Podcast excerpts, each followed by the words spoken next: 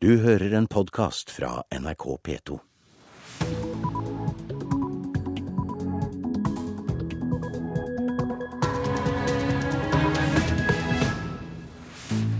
Klokka er 6.30, du hører på Nyhetsmorgen. Det er torsdag 28. juni, og jeg heter Hege Holm. Dette er hovedsaker i nyhetene akkurat nå. Ekstremsportveko fortsetter til tross for dødsulykken i går. En av ti kvinner som ikke rekker fram til sykehus før fødsel, føler seg avvist. For noen så var det da slik at eh, når de først hadde blitt bremset én gang, så nølte de veldig med å henvende seg igjen. Og at det var grunnen til at eh, de ikke kom frem i tide. Og det sier Britt Inger Nesheim, som står bak undersøkelsen. Og Spania er nå klar for sin tredje mesterskapsfinale på rad etter straffesparkkonkurranse i semifinalen i fotball-EM. Ja, Da skal vi til Voss, for Ekstremsportveko fortsetter til tross for dødsulykken i går. Hele fire mindre alvorlige ulykker rammet Vekos deltakere i går. Og leder for Ekstremsportveko, Sofie Torlei Olsen, satt i går kveld i møter for å bestemme veien videre. Nå har jeg satt i krisemøte med ledelsen i Ekstremsportveko, styret, sikkerhetsansvarlig. Eh, og mer. vi tenker jo selvfølgelig på hvordan arrangementet vårt vil gå framover. Men Ekstremsportveka utenom fallskjerm vil fortsette? Det vil han. Det ble en dramatisk dag på Ekstremsportveko i går. En utenlandsk fallskjermhopper mistet livet da han traff fjellveggen uten at fallskjermen var løst ut. Flere deltakere fra festivalen var til stede, men hoppinga var ikke en del av det offisielle programmet. Det ble også meldt om to paragliderulykker i Voss og én ulykke i Odda, uten at noen ble skadet i noen av disse. Sofie Tolai Olsen sier de nå overlater resten av etterforskningen til politiet. I og med at jeg var utenfor aktivitet, så hadde jo ikke vi vårt sikkerhetsteam og sånne ting på plass. Men eh, på skuldspørsmålet må egentlig eh, Nå er det jo politietterforskning, så de må jo se på hvordan, hva som har skjedd i saken. Men selv om ulykker inntreffer, hører det med til sjeldenhetene. Det sier Knut Lien, som leder sikkerhetskomiteen for fallskjerm i Norges Luftsportforbund. Han sier standarden på sikkerheten i Norge generelt er god. Vi mener at vi er på et akseptabelt nivå, selv om vi nå har hatt da, med den i dag, to dødsulykker på et halvt år, som er meget uheldig. Før den i fjor, så var det da forrige dødsulykke var i 2004. Og ganger opp dem ca. 60 000 opp i året, så så blir det en anselig mengde hopp og en anselig mengde år, som vi for så vidt var veldig tilfreds med. I dag fortsetter altså Ekstremsportveko, og sent i går kveld ble det klart at også fallskjermarrangementene vil gå som planlagt. Og her var reporterne Iver Kleiven og Runa Victoria Engen. Ingen av de vestlige sikkerhetstjenestene vet hvor den påståtte Al Qaida-trente nordmannen nå befinner seg. Det skriver Dagbladet i dag. Avisen får opplyst at sikkerhetstjenestene håper at offentliggjøringen fører til at den norske mannens hjelpere reagerer på nyheten og avslører seg selv. Det ekstreme islamistiske miljøet i Norge er lite, mener Politiets sikkerhetstjeneste. Ifølge PST er det få personer som representerer det ytterpunktet i miljøet som er villig til å bruke vold, skriver Aftenposten. PST registrerer med økende uro at stadig flere mennesker reiser til Jemen og andre konfliktland for å få opplæring i terrorisme. Så skal vi høre at én av ti fødekvinner som ikke rekker fram til sykehus, føler at de ble avvist da de ringte for å fortelle at fødselen var i gang. Det viser en analyse av 265 fødsler som skjedde før moren rakk fram til sykehuset. Rundt 500 barn blir født utenfor sykehus hvert år. Og så løftet jeg litt opp på nattkjolen liksom bare for å se. Og så så jeg at det var noe, noe, noe der eh, mellom beina, og tok på det. Og da skjønte jeg at det er jo faktisk hodet. Det var Therese sitt hode Caroline Stenbukt Lid kjente der hun sto på knær på sitt eget soverom. Fødselen gikk så fort at verken mor eller ambulansen rakk frem. Med en svensk jordmor på øret måtte mannen i huset ta kommandoen. For en mann som i utgangspunktet ikke tåler blod og ikke tåler sånne ekle ting, så syns jeg han taklet det ekstremt godt. Det var ingen av oss som fikk panikk. En undersøkelse den regionale perinatalkomiteen i Helse Sør-Øst har gjort, viser at fødsel i fart som regel går bra. Men den viser også at mange kvinner nøler med å dra til sykehuset hvis de har blitt avvist én gang, sier Britt Inger Nesheim, som står bak undersøkelsen. For noen så var det da slik at eh, når de først hadde blitt bremset én gang, så nølte de veldig med å henvende seg igjen. Og at det var grunnen til at eh, de ikke kom frem i tide. Så skulle jeg gi noe råd om det, så måtte det jo være at man må ikke være for beskjeden. Man må stå på. Hun sier man må leve med at jordmødrene ikke treffer hver gang. Man kan ikke ha alle kvinner som eh, ringer og lurer på om de er i fødsel inn på sykehuset. Det ville det ikke være plass eller kapasitet til, og ikke noe hyggelig for kvinnene heller. Nei, Jordmødrene gjør så godt de kan. Det er jo dette de holder på med hver eneste dag, hele tiden. Og i de aller fleste tilfellene så gjør de korrekte vurderinger, men det hender selvfølgelig av og til at vurderingen ikke var korrekt. Av de 265 undersøkte fødslene i Helse Sør-Øst i 2009 og 2010 døde ett barn fordi kvinnen ikke rakk frem til sykehuset. Og det er selvfølgelig et barn for mye, men alle de andre er det gått bra med. Så da la jeg meg ned på ryggen på gulvet her, og det var her jeg fødte. Karoline Stenbukk Lid fødte på seks minutter og rakk ikke bekymre seg for hva som kunne gå galt. Så sånn i ettertid så unner jeg nesten alle å oppleve noe sånt, for det var en fantastisk opplevelse, det må jeg bare si. Og når vi da kom inn på sykehuset eh, med ambulansepersonalet, da, da, fikk mannen min stående applaus, og det var 'Man of the Year', og de klappet og hoiet, og, og mannen min følte seg kjempeflott og kjempesterk, inntil det var én eh, jordmor da, som pekte på meg bare 'Ja, men det er jo hun som egentlig har gjort jobben'. Men jeg bare 'Ja, mannen min kan få den kreden, det er greit'. Ja, og reporter her var Kristine Svendsen. Og Marit Heiberg, du er leder i Den norske jordmorforening. Vi hørte jo her at eh, Nesheim sa at kvinner må bli tøffere. Det er ikke lett å være tøff hvis du sitter med en megadigger megadiger mage og kjenner noe du tror er VR. Nei, selvfølgelig ikke. Det er ikke det. Og det er klart at uh, kvinner skal jo ikke føle seg avvist på sykehuset. Uh, jeg tror nok at dette er litt sånn storbyfenomen når vi snakker om de som ikke rekker fram her. Uh, og det er rett og slett det at du har de førstegangsfødende som kanskje er hjemme og vanskelig å vurdere, og som jordmora da kanskje sier at det skal vente litt til. og tar de kanskje ikke kontakt med en gang når det, ting endrer seg. Og så har du de som har født før, og hvor fødselen går mye raskere neste gang. Og så feilberegner de litt. Men de sier jo at de blir avvist, da? Ja, de føler seg avvist, og det er klart at det må vi ta på alvor. Men det er vanskelig å vurdere på telefon. Det er det, fordi at fødsler tar gjerne lang tid. Eh, sånn at det er, det er viktig å stille de rette spørsmålene. Og så er det viktig å informere godt på forhånd, sånn at de faktisk tør å stå på når de syns at det blir ille nok at nå vil de inn. Så du er også enig i at eh, man bør bli litt tøffere og si bare nei, jeg føder? Jeg tror at vi jordmødre må bli flinkere til, til å informere på forhånd eh, om, om, hva som eh, kan skje. Eh, og disse som da føder eh, sånn som Britt Inger Nesheim snakker om her, det er jo storbyfenomen. Du har jo også en del andre som føder på vei dersom det er lang reisevei. Det er jo ikke de vi snakker om her i denne forbindelsen. Dette er mer styrtfødslene. Hvorfor går det bra alltid? Eller som oftest? Vi pleier ofte å si at de barna som kommer, de går det bra med. Det er de som ikke kommer ut, det er de vi er eh, bekymra for. Og sånn er det jo. Det går heldigvis stort sett bra med disse fødslene, men det er jo en tøff opplevelse for den som står midt oppi det. Men, men, nå hører vi jo her at, eh, at, det går som oftest bra. Vi har ett dødsfall. Men, ja. men, hvilke er det som ikke går bra?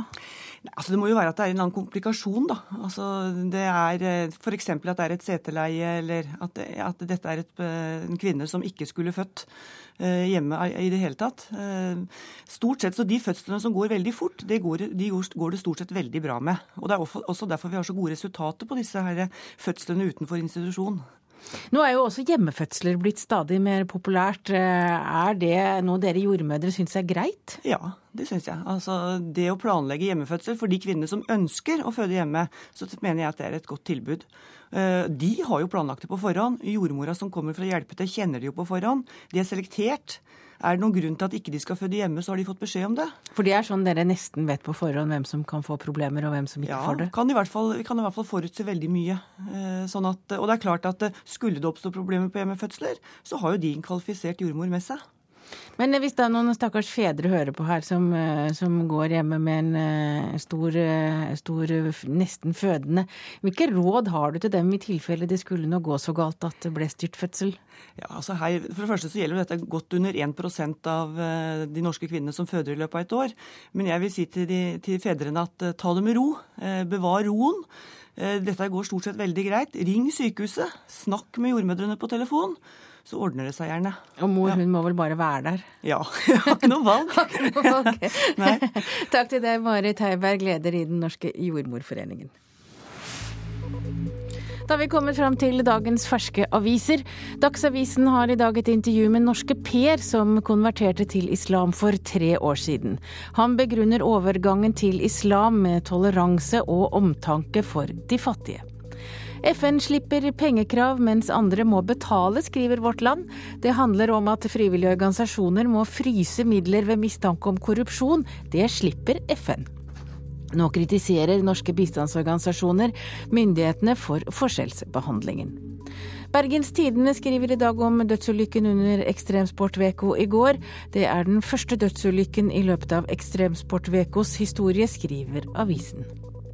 Klubblederne i Skipsstedavisene, som bl.a. er Bergens Tidende, Aftenposten, Stavanger Aftenblad og Fedrelandsvennen, er kritiske til konsernets spareplaner, skriver Klassekampen.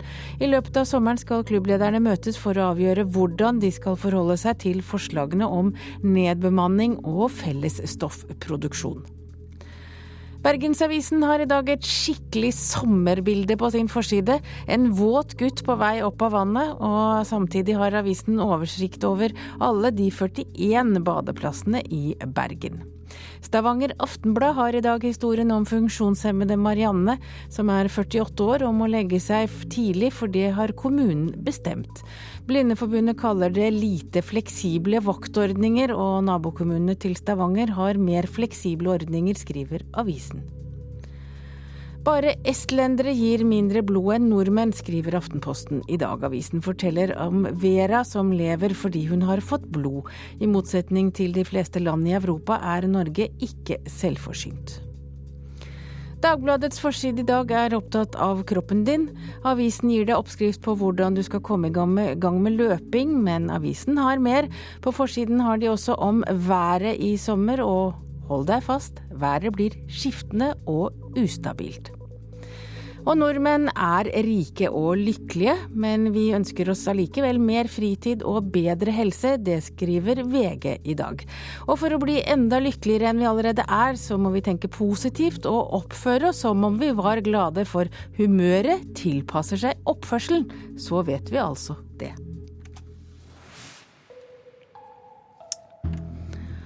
Og så skal vi til fotball, for for tredje gang på rad i et mesterskap er Spania nå klar for finale, etter at de slo Portugal på straffesparkekonkurranse.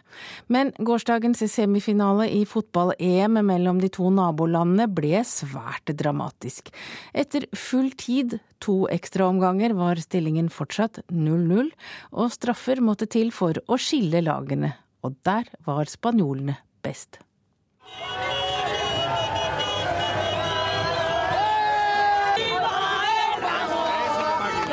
De begynner nok å bli vant til å feire, de spanske supporterne som tuta begeistra med bilene sine i Madrids gater i natt.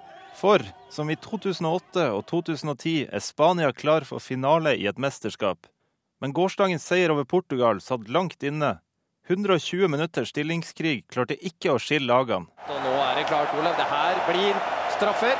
For andre gang i Europamesterskapet denne sommeren skal det avgjøres med spark fra 11-meteren. Sergio Ramos har akkurat chippa inn Spanias fjerde straffe på elegant vis. Stillinga er 3-2 til Spania. Så går Portugals Alves fram. Mot ballen! I stolpen! Han klarer det ikke! Alves klarer det ikke! Dermed kunne Cesc Fabregas avgjøre det hele for Spania. Han kan sende sitt lag til en ny finale i Europamesterskapet. Tar fart. Og det tar av på tribunene. Voldsom stemning. Mot ballen og skyter via stolpen og i mål! Og Spania er i EM-finalen! Og mens spanjolene jubla, måtte Portugals største stjerne, Cristiano Ronaldo, nok en gang innse at han ikke lykkes i et stort mesterskap. I går kveld rakk aldri Europas kanskje beste spiller å skyte sitt straffespark før Spania hadde avgjort det hele. Og reporter her er Ole Marius Rørstad. Du hører på Nyhetsmorgen i NRK P2 og Alltid nyheter. Klokka er 6.44, og dette er hovedsaker i nyhetene akkurat nå. Ekstremsportveko fortsetter til tross for dødsulykken i går. En av ti fødekvinner som ikke rakk fram til sykehuset, ble avvist av sykehuset første gang de ringte. Og Norges første spesialscene for elektronisk kunst og musikk åpner i Bergen til høsten.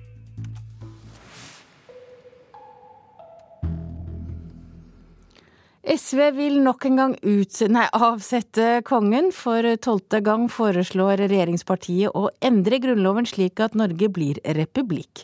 I 2012 skal en ikke arve mektige roller i samfunnet, mener SVs Snorre Valen. Rundt Slottsplassen i Oslo er folket delt i sin oppfatning om vi bør beholde kongehuset eller ikke. Kanskje kommer kongen Eller ikke. For får Sosialistisk Venstreparti det som de vil, må kanskje Knutsen og Ludvigsens klassiker 'Kanskje kommer kongen' i fremtiden endres til 'Kanskje kommer presidenten'. For tolvte gang fremmer nå SV forslaget om å innføre republikk i Norge, men på Slottsplassen er folk delt i meningene om vi bør beholde kongen eller ikke. Ja, Det syns jeg er jo litt tøvete. Ja, hvorfor det? Nei, fordi at jeg mener kongen han, han er bare et, et symbol, og hvis vi da får en president, og han kan da rote det litt til. Nei, jeg er ikke enig. på sånn som har det. det jeg liker kongen og dronninga vår, jeg. Det er en overlevning fra en gammel tid å ha noen konger. Vi skal ha en valgt leder. Det er helt greit at de er der, men også helt greit at det avvikles for min del. Ser ikke helt på en måte funksjonen kongefamilien har i dag. Trenger vi den? Nei, det gjør vi ikke. Klart svar fra SVs Snorre Valen. Når partiet nok en gang vil avsette kongen, tror han flere er med på laget denne gangen. For i 2012 skal ikke mektige roller i samfunnet arves. Jeg tror at folk flest i Norge egentlig er republikanere. Skulle man sett for seg det ideelle samfunnet, så hadde det ikke vært med en hellig konge på toppen, men med et valgt statsoverhode.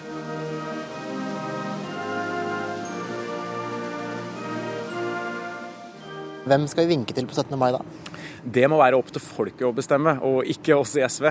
Og før det så skal vi ha en grundig debatt. Vi skal utrede ulike måter å ha republikk på i Norge. Og så legger vi opp til en folkeavstemning hvis vi får flertall i, i Stortinget. For det er folket som til slutt må avgjøre hvordan dette skal bli. Er det realistisk å tro at dere kan få gjennom det forslaget her? Ja, det mener jeg. Historien jobber med oss. Det å ha en grunnlov som sier at statsoverhodet er hellig og ikke kan straffes, det hører hjemme i helt andre tider enn 2012. Så dette er noe vi kommer til å vinne til slutt. Om det så er på 12. eller 20. forsøk. Ja, det er altså tolvte forsøk nå. Reporter her var Kent Amar Eriksen. Flere barn enn nødvendig blir koblet til barnevernet. Det mener forsker ved NOVA Elisabeth Bakke-Hansen. Antallet barnevernssaker har økt kraftig det siste året, og i Linnås i Hordaland merker de pågangen godt.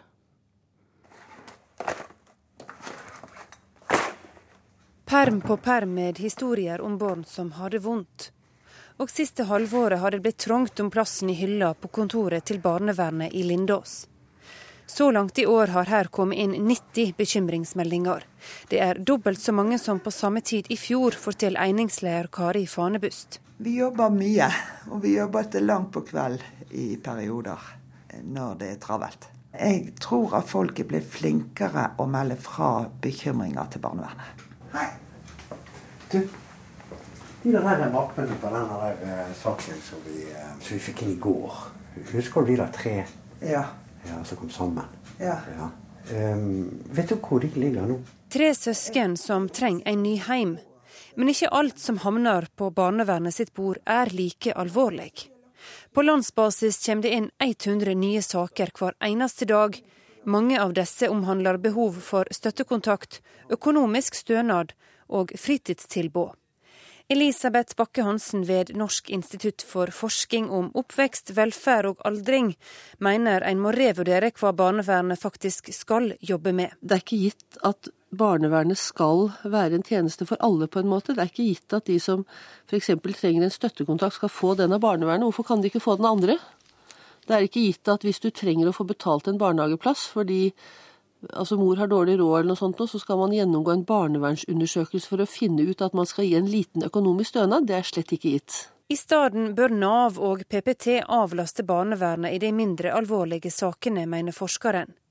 For slik det er nå, får barnevernet for lite tid til de som sliter mest, nemlig barn som bor i heimer prega av alkohol, vold og psykisk sykdom. De får jo ikke gjort det de skal. For kapasiteten, sier man, er, kapasitetsøkningen er ikke i samsvar med økningen i antall klienter. Også direktør i Barne-, ungdoms- og familiedirektoratet, Mari Trommald, etterlyser bedre samarbeid på tvers i kommunene. Vi ser jo at det er kapasitetsutfordringer både i det kommunale barnevernet og i det statlige spesialiserte tilbudet.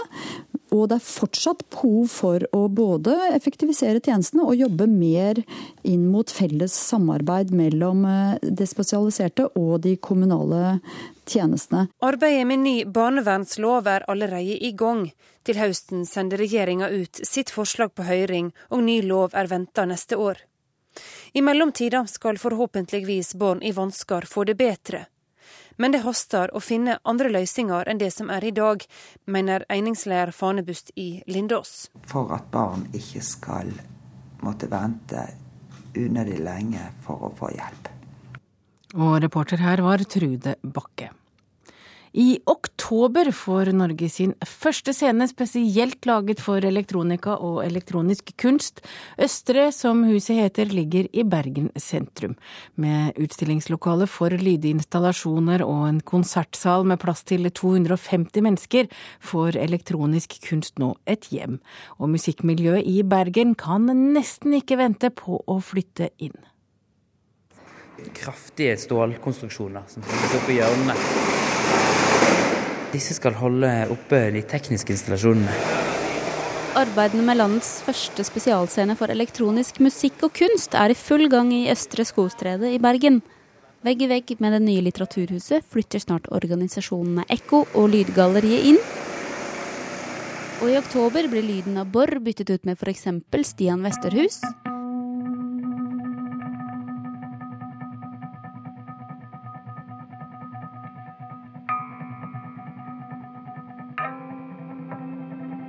Og lyden av installasjoner, sånn som denne av Paul Devens.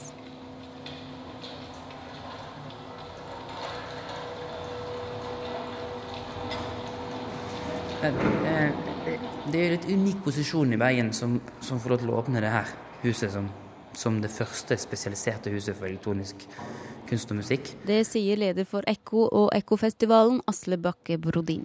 Med penger fra huseieren, organisasjonene selv og med et driftstilskudd fra Bergen kommune på en halv million kroner i året, er Østre, som huset heter, snart klar for åpning. Målsetningen vår med huset er at det skal kunne, når det er i full drift, produsere 80 eh, arrangementer i året.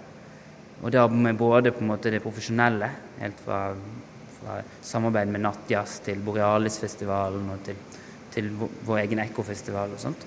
Til også mer eh, undergrunnsuttrykk. Huset har et utstillingslokale i første etasje og en konsertsal med plass til 250 mennesker i andre etasje. Kan ikke komme fort nok. Skulle gjerne hatt det allerede i morgen, men eh, oktober får holde. Sier Michael Tellé, sjefen for managementet Made, som har bl.a. Lars Vaular, Casio Kids, Jon Olav Nilsen og gjengen i stallen. Selv om alle de ikke er elektronika i formen, har han allerede booka den nye konsertarenaen for ni kvelder. Han tror scenen vil bety mye for musikkmiljøet i Bergen. Eh, ikke bare for den type musikk, men, men for, for, nye artister og ny type musikksjanger så vil det være en veldig viktig plass. Fordi at man trenger et lite sted hvor man kan eksperimentere mye med litt sånn lav terskel for å komme til. Og, og, da kommer dette her stedet til å, å, være en katalysator for veldig veldig masse nye talenter fra Bergen. Ja, så får vi håpe han får rett i det. Reporter her var Helena Rønning. Og kultur fremmer dialog.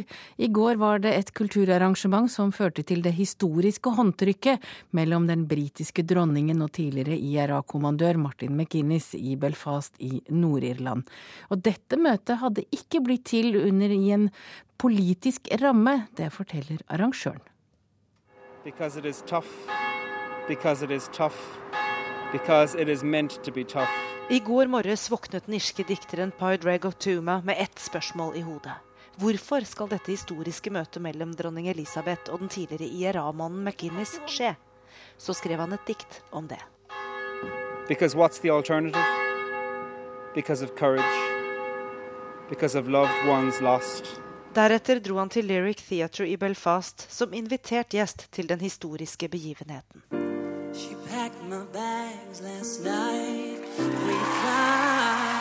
Den irske dikteren møtte der den nordirske sangeren Ben Kelly. I'm a singer-songwriter. I was on The Voice UK, and uh, I got to meet Her Majesty today as one of the uh, arts representatives. Um, so it's great to be part of an historic day here in Belfast. And I'm gonna be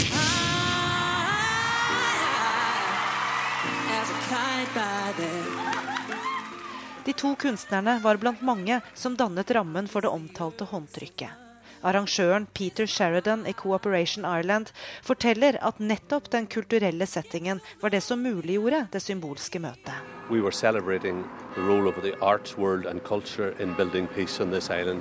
So every night there's a play on. People from all of the communities come to see that play. You know, they come and look at the artwork from the famous painters, and you cross that community divide to do that. So that almost subliminal work that the arts world do is hugely important in it, and so therefore it created the circumstances for this event. So it had to be arts. Could it have been anything else that brought these two people together? I suppose it could have been sport. Det kunne ha vært sport, men det kunne definitivt ikke ha vært en politisk ramme, mener Sheridan. Og siden både den irske presidenten, som for øvrig selv er dikter, og dronning Elisabeth er kulturelskere, ble det det istedenfor sport. Because it's easier to speak to your own than to hold the hand of someone whose side has been previously described, proscribed, denied. Because it is tough. Because it is tough. Because it is meant to be tough. Det skal være tøft, sier Padraig Tuama i sitt dikt for den symbolske dagen. Dikteren er opptatt av kunstens evne til å trenge gjennom der annen kommunikasjon kommer til kort. We can say things through art that we don't even know we believe. Art can kind of access the heart. Uh, it goes beyond opinion or reason. Art kind of somehow gets into the soul, and we can speak from there.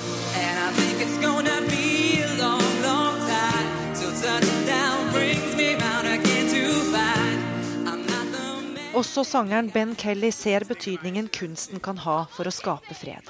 Well, I think it's very fitting, especially in times of a recession when arts are often shunned. I think it's important. It's bringing people together. It always does. So it's something we can share. Arts for peace? Arts for peace, yes, indeed.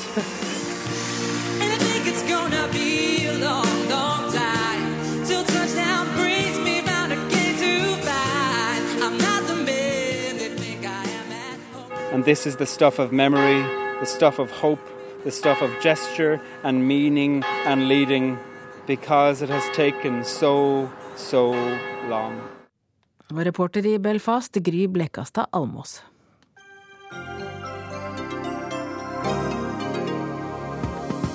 Odd Nerdrum dømt til fengsel for skattejuks. Han kommer til å dø som kunstner, tror kunsthistoriker. Heldigvis ingen forskjell på en kunstmaler og en drosjesjåfør, sier kommentator Elin Ørjasæter. I Dagsnytt 18 klokka 18. NRK P2. Da er vi kommet fram til et værvarsel som gjelder til midnatt. Fjellet i Sør-Norge i kveld spredde regnbyger øst for Dovre. For øvrig lange perioder med pent vær. Østlandet og Aust-Agder og Telemark perioder med pent vær. Torsdag utrygt for ettermiddagsbyger, hovedsakelig vest for Lillehammer, Oslo. Vest-Agder sørvestlig bris, vest for Lindesnes nordvestlig bris. Fra torsdag ettermiddag sørlig bris, overveiende pent vær. Rogaland stort sett pent vær, men torsdag morgen utrygt for lave tåkeskyer. Og torsdag kveld tilskyende. Hordaland og Sogn og Fjordane. På kysten nord nordlig frisk bris, periodevis liten kuling. Torsdag minkende til skiftende bris. Først i sør fra om ettermiddagen nordøstlig liten kuling ved Stad og pent vær. Møre og Romsdal sent på ettermiddagen økende til liten kuling fra nordøst. Stort sett pent pent vær. Trøndelag enkelte regnbyger. Torsdag ettermiddag økning til nordøst frisk bris på kysten. Etter hvert pent vær. Nordland og Troms enkelte regnbyger, men lange perioder med opphold og en god del sol. Finnmark nordlig opp til frisk bris i vest, men liten kuling på kysten i øst. Torsdag dreiende nordvest nær Vardø, perioder med stiv kuling. Regnbyger torsdag, til dels pent vær på vidda. Og Nordensjøland på Spitsbergen litt regn eller sludd. Så har vi temperaturer målt klokka fem. Svalbard lufthavn to, Kirkenes tre, Vardø fem, Alta fem, Tromsø Langnes fem, Bodø sju, Brønnøysund ni, Trondheim Værnes ni, Molde ti, Bergen åtte, Stavanger åtte, Kristiansand Kjevik sju, Gardermoen ti, Lillehammer ni, Røros tre og Oslo-Blindern hadde 13 grader. Og dette var altså temperaturer målt klokka fem. Du hører en podkast fra NRK P2.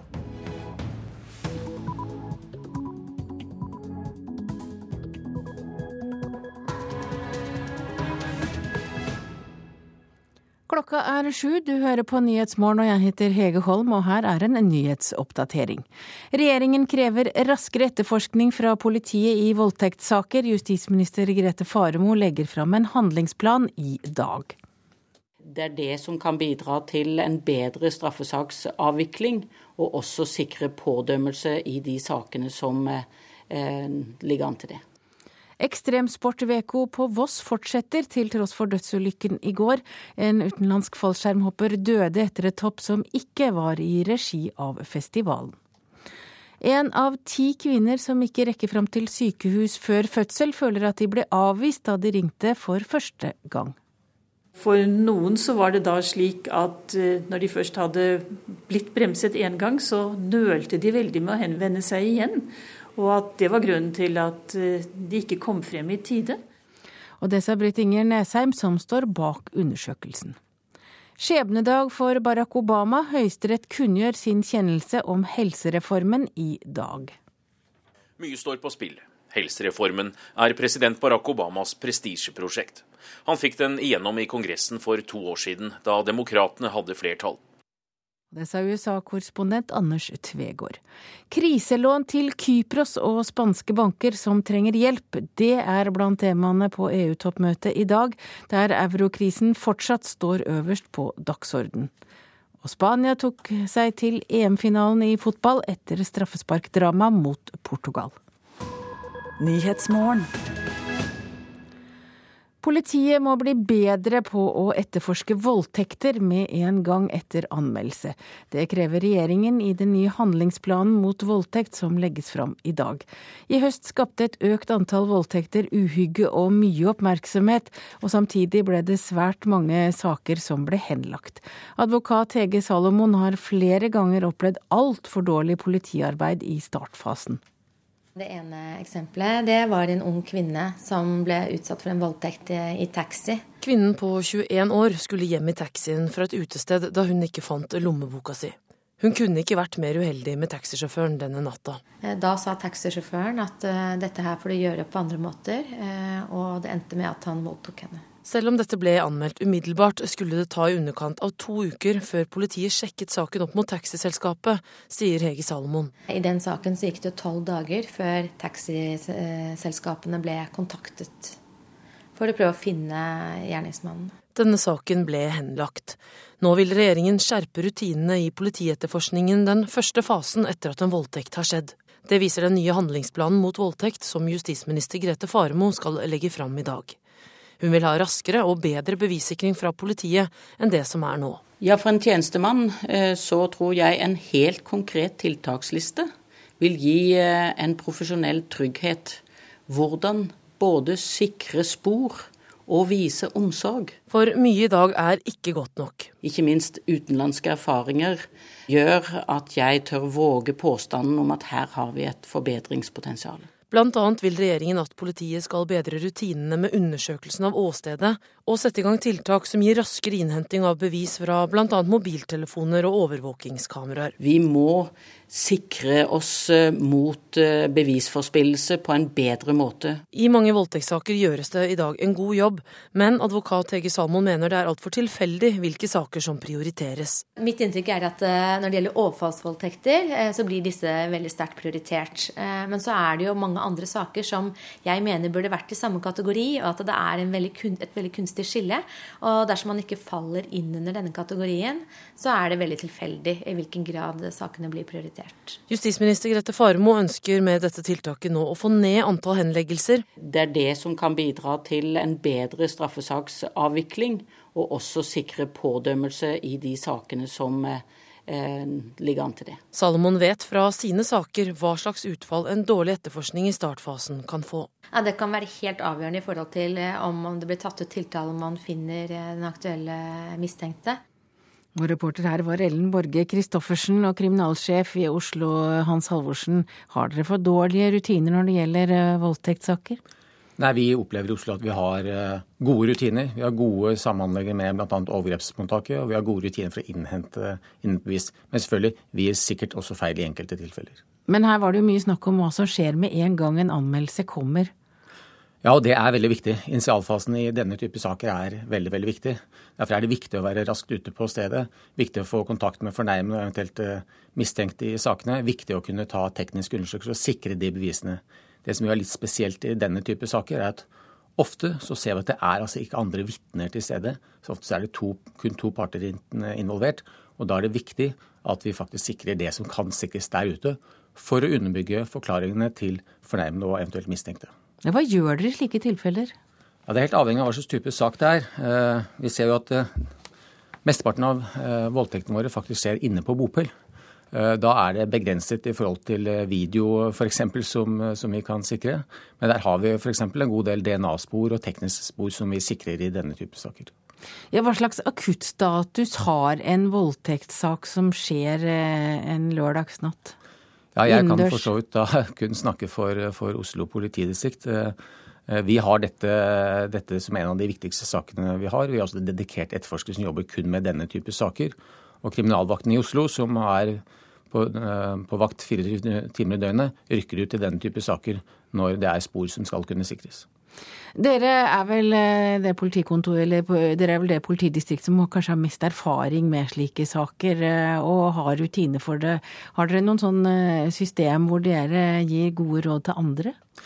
Det er opprettet et, et kompetansedelingssystem for hele politiet. Et kompetansesystem som heter KODE, som er veldig veldig bra, mener vi. Som Kripos har stått i, i, i førersetet for å kunne utvikle.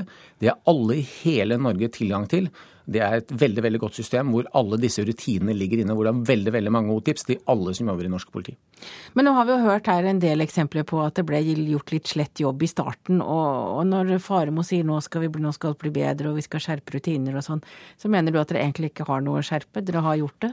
Jo da, åpenbart. Vi har alle sammen noe å lære. Vi skal alle sammen gå gjennom rutinene våre. Vi mener at de rutinene vi har i Oslo er veldig, veldig bra. Det kan selvfølgelig skje glipp. Det som også er viktig, er at vi har rutiner. Én ting er ressursene, men vi også må ha gode rutiner i forhold til dette. Så jeg ønsker eh, de signalene som kommer fra Justisdepartementet og, og justisrådet nå, velkommen. Men, men hva skal jeg da gjøre hvis jeg ble utsatt for en voldtekt? Det som er veldig viktig, er å ta kontakt med politiet, slik at politiet kan sikre de bevisene som foreligger i selve saken. For som jeg sa i sted, så oftest er det ingen andre til stede. Så oftest er det veldig veldig vesentlig for oss å kunne undersøke selve åstedet, men sist, men ikke minst undersøke fornærmede og undersøke eventuelt mistenkte for å kunne finne spor. Så nesten før jeg oppsøker legevakta, så reiser jeg til dere? Vi ser ofte at eh, kvinnene drar til legevakten. Vi har et veldig veldig godt eh, samarbeid med overgrepsmottaket her i Oslo. Og der sikrer de sporene etter eh, rutinene som vi har laget sammen i. Så der blir gjort en veldig veldig god jobb. Så det er greit? Det er helt greit, men ta helst kontakt med politiet med en gang. Så kjører vi deg gjerne til overgrepsmottaket. Takk til deg, kriminalsjef Hans Halvorsen i Oslo politidistrikt. Det ble en hektisk dag med mange følelser, det sier lederen for Ekstremsportveko, Sofie Torlei Olsen. En utenlandsk fallskjermhopper døde i går etter et hopp som ikke var i regi av festivalen. Flere mindre alvorlige ulykker fant også sted, og Olsen sier at det var hektisk. Nei, man eh, er vel kanskje litt i sjokk. Man eh, begynte jo dagen ja, med noen hendinger. Så gikk det heldigvis veldig bra. Og så eh, kom det dessverre nye meldinger inn. Og da ble jo sikkerhetsteamet og vårt team satt i gang for fullt. Så det har vært en eh, dag prega av eh, mye informasjon og mye følelser. Ja, Hans Olav Ingdal, du er en erfaren fallskjerminstruktør, og i går var det altså en dødsulykke under ekstremsportveko. Er det vanskelig å sikre seg når man tar så store sjanser som det en gjør eh, i Bergen og nei, på Voss og i omegn i disse dager? Nå er jo um, fallskjermhopping en uh, idrett som innebærer en viss form for risiko, på lik linje med en rekke andre idretter. Vi gjør i fallskjermmiljøet veldig mye for å forebygge og hindre ulykker, spesielt ulykker av alvorlig karakter. Hva vet du om ulykken i går? Nei, jeg, kjenner veldig lite til den uh, ulykka, men jeg har inntrykk av at det er en, uh, en erfaren fallskjermhopper som har mista livet i forbindelse med flyving i fjellet. Og det er kanskje noe av det farligste dere driver med? Eh, Ikke nødvendigvis, men det er en relativt ung gren innenfor fallskjermhopping. Det er uh, en gren hvor Norge er langt fremme i å utvikle sporten. Og vi har et uh, gjennomarbeida regelverk for det, gode rutiner for det. Uh, Hva er det en gjør? Hopper ut fra fjellknauser? Nei, da vil man normalt forlate et helikopter eller et fly i stor høyde, trekke fallskjermen sin og fly eh, ned til et landingsområde i, eh, i nærheten av fjellet for å få opplevelsen ved å, ved å fly i den norske naturen. Hvilke konsekvenser tror du ulykken i går kan få? Sånn, uh, umiddelbart så er det jo uh, i dag og i går kveld uh, veldig mange mennesker på Voss som er berørt av den ulykka her, som har det vondt nå, og som nå bruker tida på å ta vare på hverandre. Nå- I forlengelsen av det så vil det da nedsettes en granskningskommisjon i, i regi av fallskjermseksjonen i Norges Luftsportsforbund, som skal klarlegge alle fakta rundt ulykken.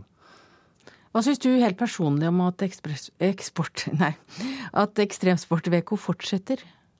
Syns du at de burde det, det, en, det er en tradisjon i fallskjermmiljøet at man eh, relativt tidlig etter en, eh, en eh, ulykke kommer i gang igjen med den aktiviteten som alle er glad i. Eh, Og det er på mange måter måten eh, fallskjermmiljøet hedrer de, eh, den omkomne på, ved å komme i gang igjen med aktiviteten sin. Men jeg vil jo tro at ettersom du er erfaren fallskjerminstruktør, så hopper du mye i fallskjerm, og det er en risikosport. Hva er det som driver dere? Dette kan skje alle. Jeg, jeg tror det er veldig mange forskjellige motivasjoner for å begynne med fallskjermhopping. Men hva er din? Eh, For min del så er motivasjonen veldig lik det grunnen til at jeg driver med all mulig annen idrett. Det er eh, mestringsfølelse, et godt sosialt miljø, sosialt eh, samhold. Eh, det å konkurrere. Og du vet det er å farlig. utvikle seg. Det er alle som driver med fallskjermhopping, vet at fallskjermhopping innebærer en, en risiko. og Vi prøver å være veldig nøye med å, med å bevisstgjøre både våre, de som kommer til sporten vår, de vi rekrutterer inn til sporten, og de vi uh, utvikler videre, om at det her er en risiko ved den idretten her. Takk til deg, Hans Olav Ingdal, altså erfaren fallskjerminstruktør. Spania er nå klar for EM-finalen i fotball etter at de i går slo nabolandet Portugal på straffesparkkonkurranse. På stillingen 3-2 til Spania gikk Portugals forsvarsspiller Bruno Alves fram til straffemerket. Casillas i mål. Tenk om Casillas redder den her. Mot ballen! I stolpen! Han klarer det ikke! Alves klarer det ikke! Dermed kunne Barcelonas Cesc Fabregas avgjøre det hele for den regjerende EM- og VM-mesteren. Han kan sende sitt lag til en ny finale i Europamesterskapet. Tar fart, og det tar av på tribunene. Voldsom stemning. Mot ballen, og skyter via stolpen og i mål! Og Spania er i EM-finalen! Ja, og reporter her var Ole Marius Rørstad. En av ti kvinner som ikke rekker fram til sykehus før fødsel, føler at de ble avvist da de ringte for å si at fødselen var i gang. Det viser en analyse av 265 fødsler som skjedde før moren rakk fram til sykehuset. Leder av den regionale perinatalkomiteen, som det heter, i Helse Sør-Øst, Britt Ingjerd Nesheim, står bak undersøkelsen og sier damene godt kan være litt tøffere. Man må ikke være for beskjeden, man må stå på. på parkeringsplasser, bensinstasjoner, i biler og ved sykehusets inngangsparti. Hvert år blir rundt 500 barn født før mor rekker frem til en sykehusseng. Og så løftet jeg litt opp på nattkjolen liksom bare for å se, og da skjønte jeg at det er jo faktisk hodet. Det var Therese sitt hode Caroline Stenbukk Lid kjente der hun sto på knær på sitt eget soverom. Det gikk så fort, hun var ute, hun pustet, og da var det på en måte bra. En gjennomgang av alle fødslene i Helse Sør-Øst i 2009 og 2010 viser at fødsel i fart som regel går bra. Av de 265 som vi har sett på, så er det ett barn som er død under fødselen. Men alle de andre er det gått bra med. Og reporter her var Kristine Svendsen. Klokka er 7.14, du hører på Nyhetsmorgen i NRK P2, og dette er hovedsaker i nyhetene. Regjeringen krever raskere etterforskning fra politiet i voldtektssaker. Justisminister Grete Faremo legger fram handlingsplan i dag. Ekstremsportveko på Voss fortsetter til tross for dødsulykken i går.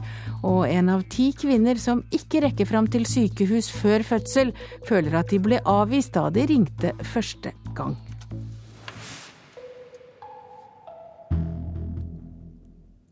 I Brussel er det i ettermiddag duket for et nytt EU-toppmøte. Økonomisk politikk, økt vekst og sysselsetting står på programmet.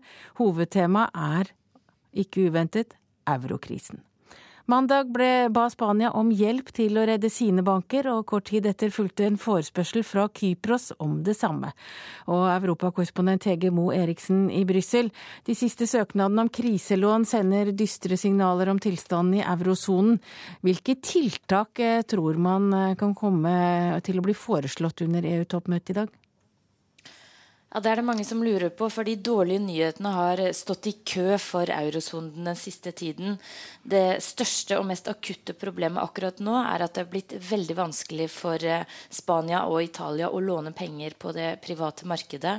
Den siste tiden har vi sett lånerenter opp mot 7% for disse landene, og det er et nivå som på sikt vil gjøre at de ikke lenger kan betale for seg.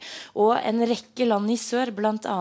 Eh, med Italias statsminister Mario Monti i spissen, presser nå på for å få til en rekke umiddelbare tiltak som kan dempe krisa for landene i sør. Problemet er bare at Tyskland ikke vil høre snakk om det. De ønsker å få på plass en rekke strengere kontrollmekanismer. De ønsker et skritt i retning av en bankunion for EU. De vil at landene skal oppgi mer uh, suverenitet i forhold til kontroll over egne budsjetter. Men dette er tiltak som det kan ta mange måneder, kanskje år å få på plass. Og dermed er det mange som har liten tro på at det vil komme effektive ting ut av dagens toppmøte i dag. Kypros ba jo også denne uken om kriselån fra unionen. Er det krisen i Hellas som smitter? Absolutt. Kypros er jo EUs tredje minste økonomi. Og det er bare tre dager til landet skal overta det prestisjetunge formannskapet som Danmark har hatt nå i EU. Men denne uka så måtte da Kypros be om redningspakke fra EU for å unngå kollaps. Og årsaken er at uh, kypriotiske banker sitter på veldig mye gresk statsgjeld. Hele banksystemet er nå truet av krisen i Hellas. Samtidig så er Kypros også et land som kjemper i resesjon, som har altfor store underskudd på budsjettene sine, og som altså har fått kredittverdigheten sin nedgradert til søppelstatus av eh, ratingbyråene. Og Derfor så er det, klarer ikke landet lenger å låne penger i det private markedet, og har altså bedt om en redningspakke fra EU. Hvor mange penger de trenger, det får vi kanskje vite i dag på dagens toppmøte. Ja, og du følger eh, møtet. Takk til deg, Hege Mo Eriksen. Russland og andre stormakter støtter FN-utsendingen Kofi Annans plan om en nasjonal syrisk samlingsregjering. En slik samlingsregjering ville inkludere både representanter for den nåværende regjeringen og opposisjonen. Forslaget blir hovedpunkt under toppmøtet i Genéve lørdag. Nesten to tredeler av amerikanerne mener president Barack Obama er bedre egnet til å forsvare USA mot en invasjon, mot en invasjon fra rommet enn Mitt Romney. National Geographic Channel stilte over 1000 voksne amerikanere spørsmålet i forbindelse med en ny dokumentarfilm om jakten på ufoer.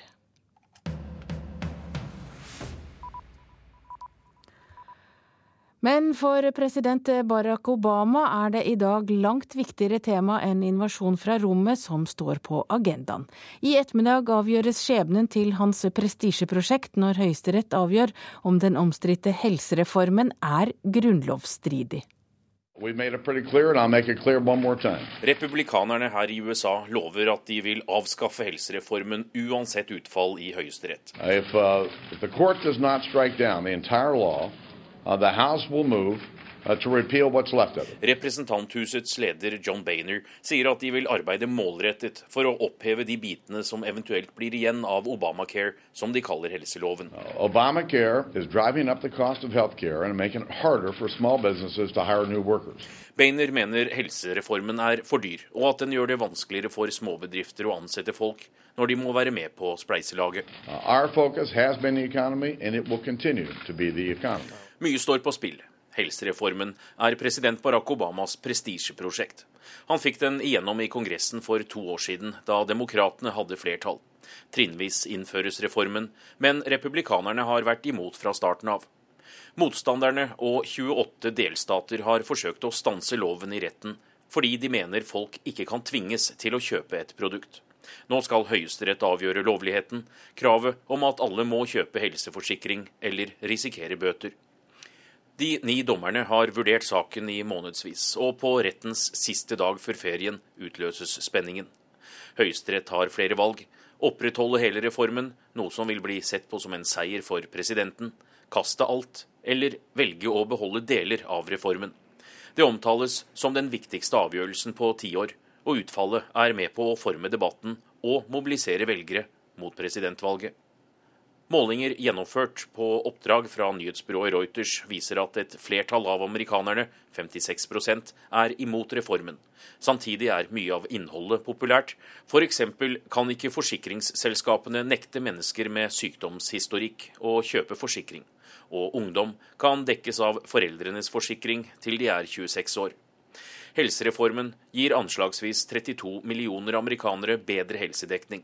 Kritikerne mener likevel helsereformen er unødvendig, og at USA ikke har råd til å gjennomføre den nå.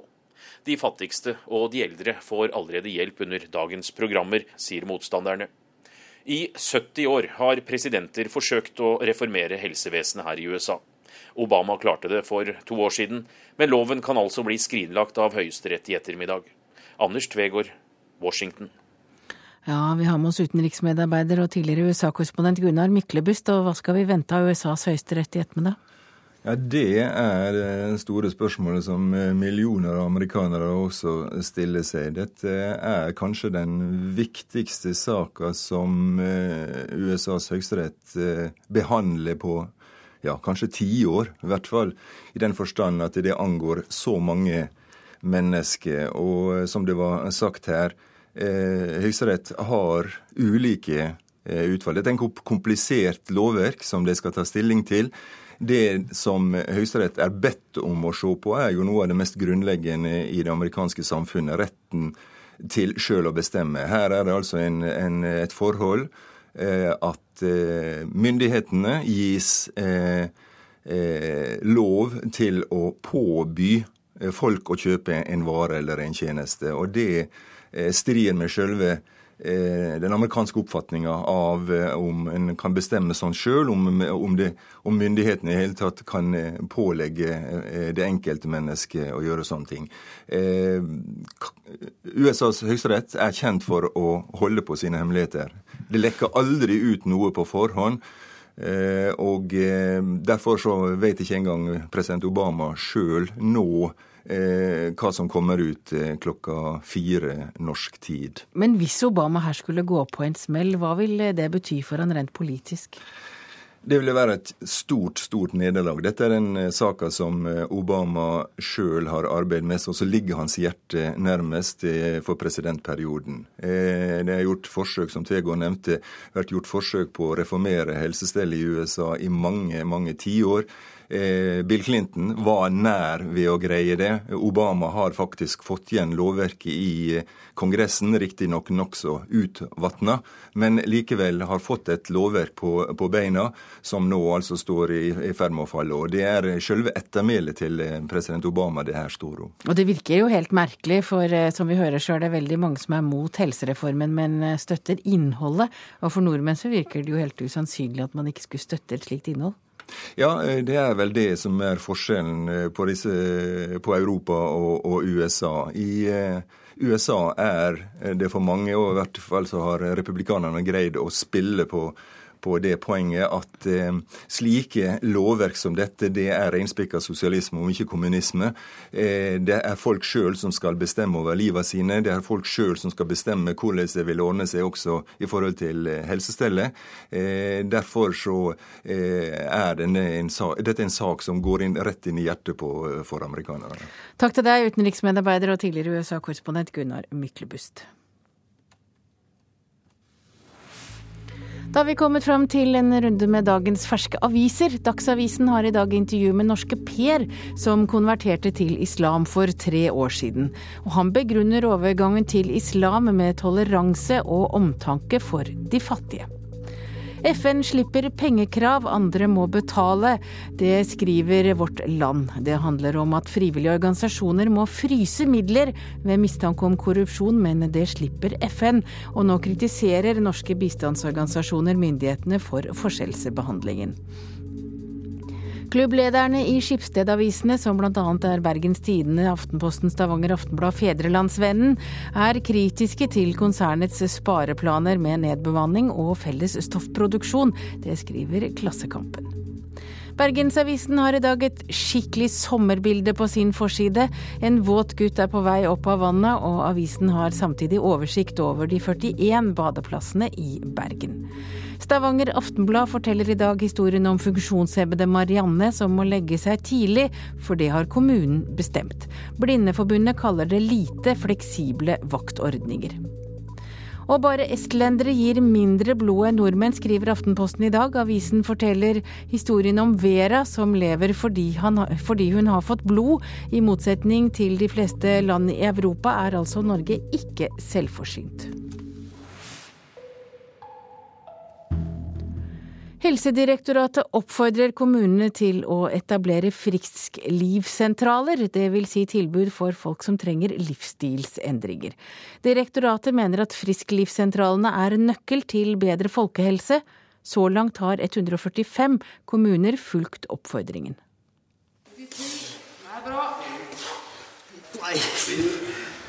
De puster tungt i gymsalen i Øyfjell. Denne kvelden har tolv personer møtt opp for å oppmuntre hverandre gjennom ei økt med hard styrketrening.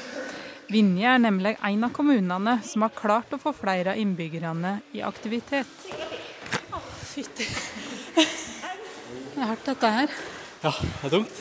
Frisklivssentraler er et kommunalt tilbud til de som trenger å endre levevaner, til dømes gjennom mer fysisk aktivitet og bedre kosthold.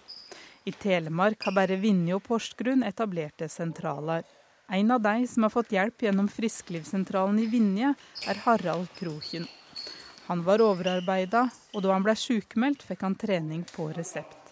I dag er han på vei tilbake i arbeid. Når en er eh, nedkjørt pga. IV-arbeiding, så går det utover hele kroppen. og kjenner det jo fysisk, så det var veldig godt å komme i en slik gruppe. For eh, Eh, det, det gjør noe både med helsa, samtidig som at eh, du kommer sammen med andre i samme situasjon, og det blir et veldig godt eh, miljø. Den nye folkehelselova pålegger kommunene å forebygge sykdom og skade. Derfor anbefaler Helsedirektoratet at alle kommuner oppretter en frisklivssentral. Oppland har flest, med hele 20 sentraler, men fylker som Telemark, Hordaland og Finnmark henger etter. Kommunen er lovpålagt å ha forebyggende helsetjenester i sin kommune. og Da er òg frisklivssentralen en god måte å organisere et sånt forebyggende helsetjenestetilbud på. Det sier Ellen Blom, rådgiver i Helsedirektoratet. Hun har likevel forståing for at det kan være vanskelig å prioritere friskliv i et stramt kommunebudsjett. Men eh, forhåpentligvis så ser man det at eh, effekten vil ikke komme på kort sikt, men, eh, men på litt lengre sikt i form av ei, ei friskere befolkning.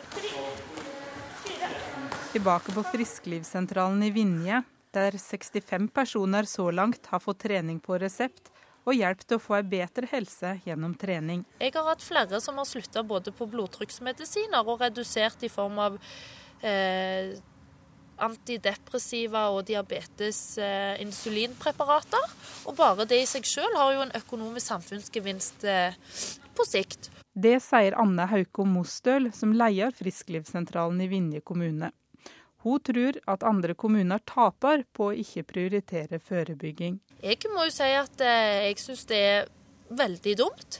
Eh, for det er et billig tiltak, og det er jo noe jeg tror alle kommuner både hadde hatt veldig godt av og ville sett gode resultater på på sikt. Og reporter her var Birgit Sønstebø Svenseid. Og Nyhetsmorgen fortsetter med Dagsnytt, men denne delen takker for seg. Jeg heter Hege Holm, og produsent har vært Ulf Tannes Fjell. NRK P2 er på de beste musikkfestivalene og gir deg konsertene og opplevelsene der du er. Festivalsommer i P2. Risør. Landskapleik. Molde. Olavsfestdagene. Få med deg musikken og stemningen. Torsdager klokka 19.30 i hele sommer. NRK P2. Din billett til sommerens festivaler. Politiet må bli bedre på å etterforske voldtekter, krever regjeringen. Vi trenger ikke kongehuset, mener SV, og vil avskaffe monarkiet igjen. Og det måtte straffespark til før Spania kunne juble for finaleplass i fotball-EM. Her er NRK Dagsnytt klokka 7.30.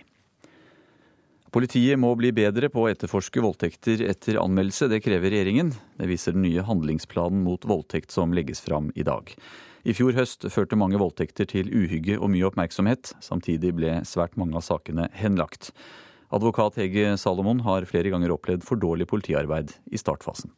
Det var en 21 år gammel kvinne som var på et utested sammen med venninner i mai i fjor. Så tok hun taxi hjem, og i taxien så oppdaget hun at hun ikke hadde lommebok med seg. Da sa taxisjåføren at uh, dette her får du gjøre på andre måter, uh, og det endte med at han voldtok henne. Men til tross for at jenta anmeldte saken samme natt, tok det nesten to uker før politiet sjekka opp taxiselskapet, forteller Hege Salomon. Altså dette her skjedde 8. mai 2011, uh, og man ventet helt til 20. mai med å prøve å finne denne taxisjåføren via taxisentralene. Det er arbeidet i denne første fasen etter at en voldtekt har skjedd, hvor politiet nå får skjerpa kravene. I handlingsplanen som legges fram i dag, vil regjeringen bedre rutinene med bl.a. undersøkelse av åstedet og kjappere innhenting av bevis fra mobiltelefoner og overvåkingskameraer. Ja, for en tjenestemann så tror jeg en helt konkret tiltaksliste vil gi en profesjonell trygghet. Hvordan både sikre spor og vise omsorg. Justisminister Grete Farmo mener dette skal få ned antall henleggelser. Det er det som kan bidra til en bedre straffesaksavvikling, og også sikre pådømmelse i de sakene som eh, ligger an til det. For i dag er det ikke godt nok. Ikke minst utenlandske erfaringer gjør at jeg tør våge påstanden om at her har vi et forbedringspotensial. Og dårlig etterforskning får store konsekvenser, sier Salomon. Ja, Det kan være helt avgjørende i forhold til om det blir tatt ut tiltale om man finner den aktuelle mistenkte. Reporter her, det var Ellen Borge Christoffersen. Ja, kriminalsjef Hans Halvorsen i Oslo politidistrikt, har dere for dårlige rutiner? I Oslo har vi, mener vi selv, gode rutiner i forhold til dette. De kan helt sikkert bli bedre. Men det er som justisministeren sier, dette er veldig veldig vesentlig å få på plass. Spesielt i initialfasen. Her er det helt vesentlig at norsk politi har gode rutiner. Ja, Hva kan dere gjøre for å, at justisministeren blir fornøyd? Det er viktig å ha godt samarbeid med samarbeidspartnere, f.eks. overgrepsmottakene. Det er viktig at man eh, går ut til åstedene og sikrer de sporene som er. Det som er spesielt i denne type saker, er som oftest det er få andre spor. Eh, flesteparten av voldtektene skjer inne på bopel. Da er det f.eks. lite med video og andre ting som kan sikres. Derfor er det desto mer viktig å sikre åstedet inne på bopel f.eks., og sikre eh, spor og funn på fornærmede og eventuelle mistenkte. Hva skal man gjøre hvis man utsettes for voldtekt? Ta kontakt med politiet. Det tror jeg er helt vesentlig, slik at politiet veldig raskt kan vurdere om det her er noe å sikre. Takk skal du ha, kriminalsjef Hans Halvorsen i Oslo politidistrikt. Ekstremsportveko fortsetter, til tross for eh, dødsulykken i går. Flere mindre alvorlige ulykker fant også sted, og fallskjermgruppa vurderte lenge om de skulle avlyse sine arrangementer. Leder for Ekstremsportveko, Sofie Torlei Olsen, satt i går kveld i møter for å bestemme veien videre. Vi tenker jo selvfølgelig på hvordan arrangementet vårt vil gå framover. Det ble en dramatisk dag på Ekstremsportveko i går. En utenlandsk fallskjermhopper mistet livet da han traff fjellveggen uten at fallskjermen var løst ut. Flere deltakere fra festivalen var til stede, men hoppinga var ikke en del av det offisielle programmet. Det ble også meldt om to paragliderulykker i Voss og én ulykke i Odda, uten at noen ble skadet i noen av disse. Men selv om ulykker inntreffer, hører det med til sjeldenhetene. Det sier Knut Lien, som leder sikkerhetskomiteen for fallskjerm i Norges Luftsportforbund. Han sier standarden på sikkerheten i Norge generelt er god. Vi mener at vi er på et akseptabelt nivå, selv om vi nå har hatt eh, da, med den i dag to dødsulykker på et halvt år, som er meget uheldige. Reportere Iver Kleiven og Runa, Runa Victoria Engen. I ettermiddag avgjøres skjebnen til president Barack Obamas helsereform. Høyesterett avgjør om presidentens prestisjeprosjekt er i strid med den amerikanske grunnloven. Mye står på spill. Helsereformen er president Barack Obamas prestisjeprosjekt. Han fikk den igjennom i Kongressen for to år siden, da demokratene hadde flertall. Trinnvis innføres reformen, men republikanerne har vært imot fra starten av. Motstanderne og 28 delstater har forsøkt å stanse loven i retten, fordi de mener folk ikke kan tvinges til å kjøpe et produkt. Nå skal Høyesterett avgjøre lovligheten, kravet om at alle må kjøpe helseforsikring eller risikere bøter. Anders Tvegård, Washington. Én av ti kvinner som ikke rekker fram til sykehus før fødsel, føler at de ble avvist da de ringte for å si at fødselen var i gang. Det viser en analyse av 265 fødsler som skjedde før moren rakk fram til en sykehusseng. Britt Ingjerd Nesheim i Helse Sør-Øst står bak undersøkelsen. Når de først hadde blitt bremset én gang, så nølte de veldig med å henvende seg igjen. Så skulle jeg gi noe råd om det, så måtte det jo være at man må ikke være for beskjeden, man må stå på. Så da la jeg meg ned på ryggen på gulvet her, og det var her jeg fødte. På parkeringsplasser, bensinstasjoner, i biler og ved sykehusets inngangsparti. Hvert år blir rundt 500 barn født før mor rekker frem til en sykehusseng. Og så løftet jeg litt opp på nattkjolen liksom bare for å se. Og så så jeg at det var noe, noe, noe der eh, mellom beina, og tok på det. Og da skjønte jeg at det er jo faktisk hodet. Det var Therese sitt hode Karoline Stenbukk Lid kjente der hun sto på knær på sitt eget soverom. Med en svensk jordmor på øret tok mannen imot resten av jenta. Det gikk så fort, og det, vi rakk på en måte ikke å tenke Oi, hva skjer hvis det dersom at Ikke sant. Det, det gikk så fort, hun var ute, hun pustet, og da var det på en måte bra. En gjennomgang av alle fødslene i Helse Sør-Øst i 2009 og 2010 viser at fødsel i fart som regel går bra. Av de 265 som vi har sett på, så er det ett barn som er død under fødselen. Og det er selvfølgelig et barn for mye, men alle de andre er det gått bra med. Hovedårsaken til at kvinnene ikke rekker frem, er rett og slett at fødslene går så fort. Therese ble født på seks minutter. Sånn i ettertid så unner jeg nesten alle å oppleve noe sånt, for det var en fantastisk opplevelse. Reporter her Kristine Svendsen. SV foreslår for tolvte gang å avskaffe monarkiet. I 2012 skal den ikke arve mektige roller i samfunnet, mener SV. Men rundt Slottsplassen i Oslo er folket delt i synet på om vi bør beholde kongehuset eller ikke.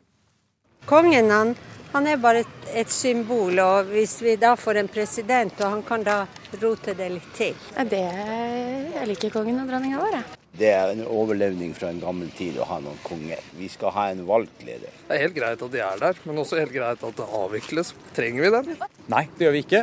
Klart svar fra SVs Snorre Valen. Når partiet nok en gang vil avsette kongen, tror han flere er med på laget denne gangen. For i 2012 skal ikke mektige roller i samfunnet arves. Og jeg tror at folk flest i Norge egentlig er republikanere. Skulle man sett for seg det ideelle samfunnet, så hadde de ikke vært med en hellig konge på toppen, men med et valgt statsoverhode.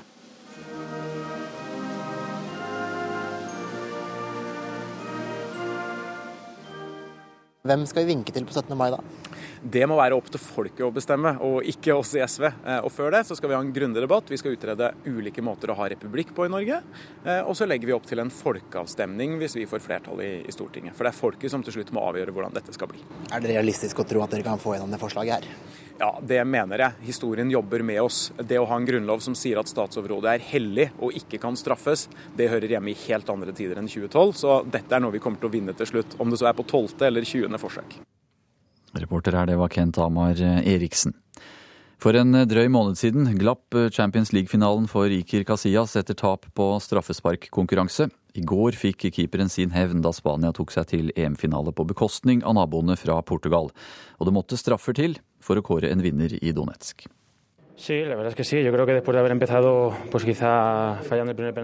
Vi var heldige. Straffesparkkonkurranser handler om flaks, og vi gikk heldigvis seirende ut etter 120 minutter med blodslit. Det sier en lettet kaptein Iker Casillas etter at det ble klart at Spania er klare for sin tredje mesterskapsfinale på rad. Spania er i EM-finalen! Spania har klart det!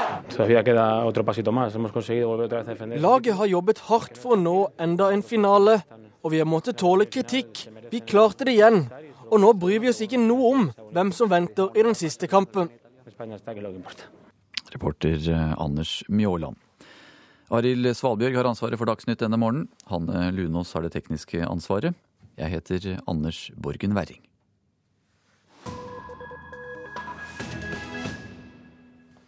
Og du hører på Petos Nyhetsmorgen, og nå skal vi snakke om førerløse biler. For det har vært en drøm nesten siden de motoriserte firehjulingene begynte å rulle for 100 år siden.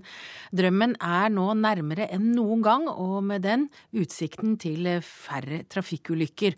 Og å kunne ta seg hjem i egen bil, selv om festen ble fuktigere enn planlagt. I think it's something that people are, are really going to want to hope for, the, the idea that you. Sean Witzit er datastudent ved Arizona-universitetet og snakker kanskje ut fra erfaring når han sier at folk ser fram til den dagen de kan gå og ta en øl og så sette seg i bilen og kjøre hjem, eller rettere sagt bli kjørte hjem av bilen. Å kunne duppe av på veien om det er behovet, slippe å tenke på drosje og ha strevet med å hente bilen neste dag. En av ei lang rekke fordeler med den førerløse framtidsbilen. Færre ulykker på veiene, mer effektiv trafikk med redusert drivstofforbruk og mindre forurensning.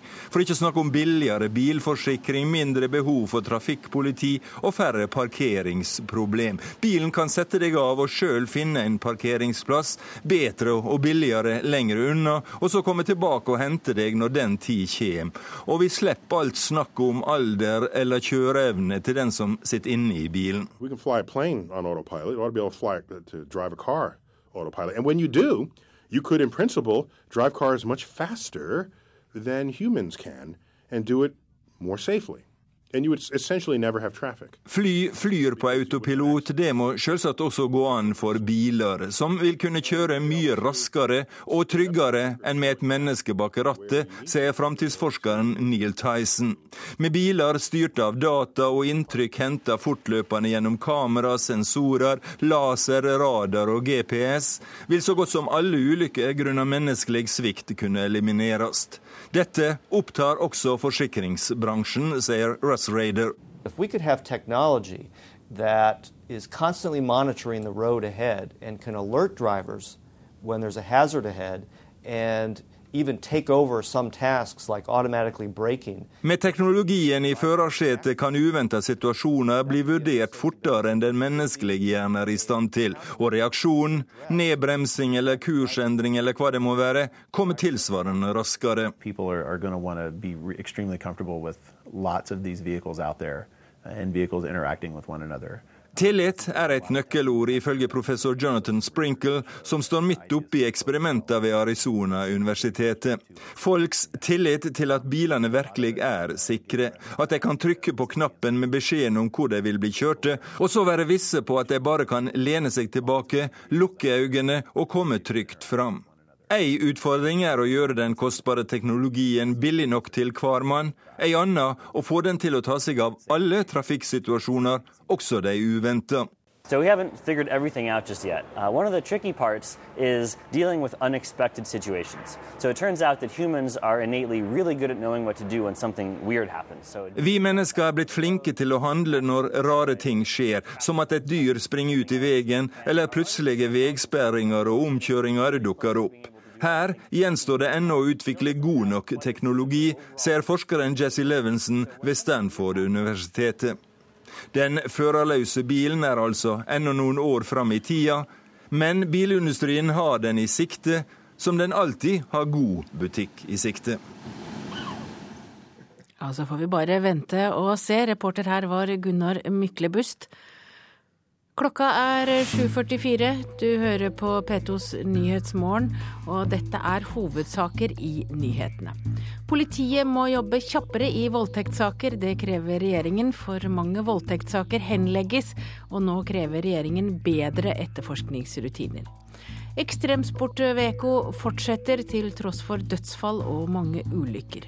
En av ti kvinner som ikke rekker fram til sykehus før fødsel, føler at de ble avvist da de ringte første gang.